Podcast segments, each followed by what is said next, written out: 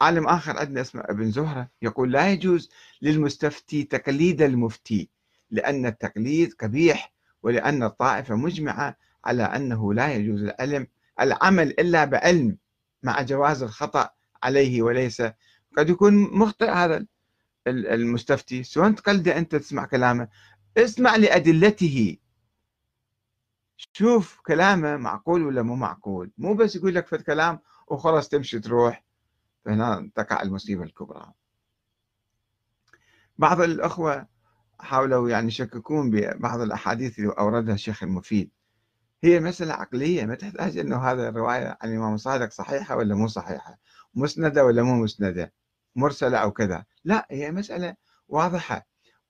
والمشكلة الكبرى أنه أكرر ما قلته في البداية أن الشيخ المفيد والطوسي والمرتضى والصدوق والكذا آه، اجوا ذولا اجتهدوا في بعض المسائل اجتهدوا في وجود الإمام الثاني عشر. وكتبوا كتب كتاب الغيبة كتاب الإرشاد كتاب آه، إكمال الدين وغيرها. ولكن أخطأوا أخطأوا. يعني سوونا في النظرية ألف سنة وقعونا ببير. ما يجوز لكم تقومون بثورة ولا حكومة ولا دولة ولا شيء. لازم تنتظرون هذا الإمام اللي الله معينه. بعد ألف سنة شفنا هذا الكلام مو صحيح. لو إحنا كنا مفكرين سابقا وعلمائنا كانوا ما يقلدون كانوا يجتهدون أيضا. مثل ما اجتهد المفيد والطوسي والصدوق والكذا مرتضى أنتم اجتهدوا. ليش تقلدون؟ ليش تصرون على التقليد ومحاربة الاجتهاد؟ وترفضون أي واحد يجتهد؟ وتسبوه وتشتموه وتلعنوه افتحوا باب الاجتهاد افتحوا العقول. هسه العلماء لهم مصالح بعض رجال الدين بعض المراجع لهم مصالح. هو يريد حتى الناس يقلدوه له ويجيبوا له فلوس ويعظموه ويسووا زعيم عليهم. زين الناس ليش ليش يعني يضطرون لقبول هذا الشيء؟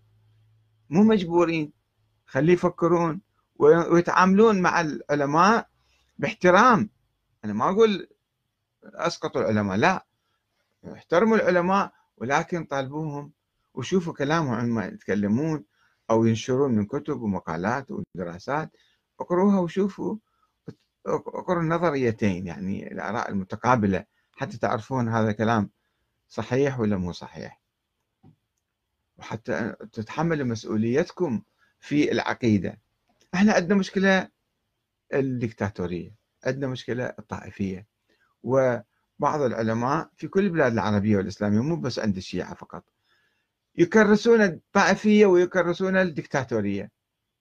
واستغلال الناس وبتأليف يعني كلام معين حتى يخدعون الناس فيه. فلماذا ينخدع الناس؟ يجب أن يفكروا أن هذا الكلام ما يشوفون هذا والله إنسان زاهد عابد كلش مدنج راسه ويمشي. لا. شوفوا أنتم يعني الكلام صحيح بأدلة ولا ما بأدلة وكما قلت في البداية أول طريق الديمقراطية أول خطوة على طريق الديمقراطية هي التحرر من التقليد الأعمى للمراجع. الناس يطالبون بفصل السياسة عن الدين أو الدين عن السياسة ما يمكن هذا. الدين موجود في حياتنا في كل حياتنا. فصل سيطرة رجال الدين على السياسة. تدخل المراجع والمعممين في السياسة. ويقول لك إحنا أولى إحنا حكام شرعيون. وإحنا الله معيننا لازم نهيمن عليكم. ماكو شيء. ما الله ما معين أحد لا مرجع ولا غيره حتى يسيطر على الناس. وإحنا لازم نتخذ القرارات ونشوف الأمور ننظر بالدستور ننظر بالنظام السياسي ننظر بكل آه، المسائل المتعلقه بالسياسة بعقولنا نتحرر نفكر. ما نتبع لا زعيم سياسي ولا زعيم ديني ولا مرجع ولا معزلون ما يجوز. حتى حتى والطائفية بعض المراجع وكثير من الحوزات وطلاب العلم يكرسون الطائفية بأحاديث كاذبة وموضوعة. فنصدقهم كل ما يقولون إحنا نعاني من مشكلة الطائفية نعاني من مشكلة الاستبداد والاستبداد الديني. فكيف نتحرر؟ كيف نقيم نظاما ديمقراطيا حقا معبرا عن الشعب؟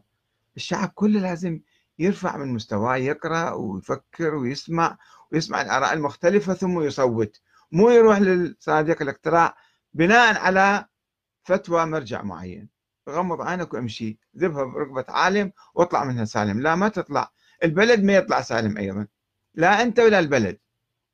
فالمفروض حتى نعزز ونكرس ونقوي النظام الديمقراطي اللي هو أفضل نظام هو أفضل من الاستبداد والدكتاتورية والطغيان والحكومات الملكية. يجب أن إحنا نفكر كل واحد من عندنا يجب أن يفكر. لا يمكن أن أن نعير عقولنا إلى آخرين ونخليهم هم يتكلمون بالنيابة عنا حتى نستطيع أن نعيش حياة سعيدة وحرة وديمقراطية ومن دون وصاية أحد علينا. نستفيد من العلماء ولكن لا نتبعهم اتباعا أعمى. لأنهم شوفوا درسوا تاريخهم وفكرهم كتبهم مملوءة بالخرافات والأساطير ويقدموها لنا على أساس هذا دين وهي مو دين ولا من ثقافة أهل البيت ولا من مذهب أهل البيت. ولكن هم يستفيدون من عندها ويخطئون. نحسن الظن فيهم هم يخطئون في أفكارهم في تقليدهم ولا يزالون مصرون على التقليد. لا يزالون مصرين على التقليد. تقليد الأعمى. عجيبة ترى. مراجع يقلدون تقليد الأعمى لمن سبقهم للشيخ المفيد والشيخ الطوسي والصدوق. وتعالوا يا ناس إنتم اتبعونا وراهم. من هنا نشأت الطائفية ونشأ الاستبداد وتعرضنا للتهميش خلال ألف سنة. والسلام عليكم ورحمة الله وبركاته.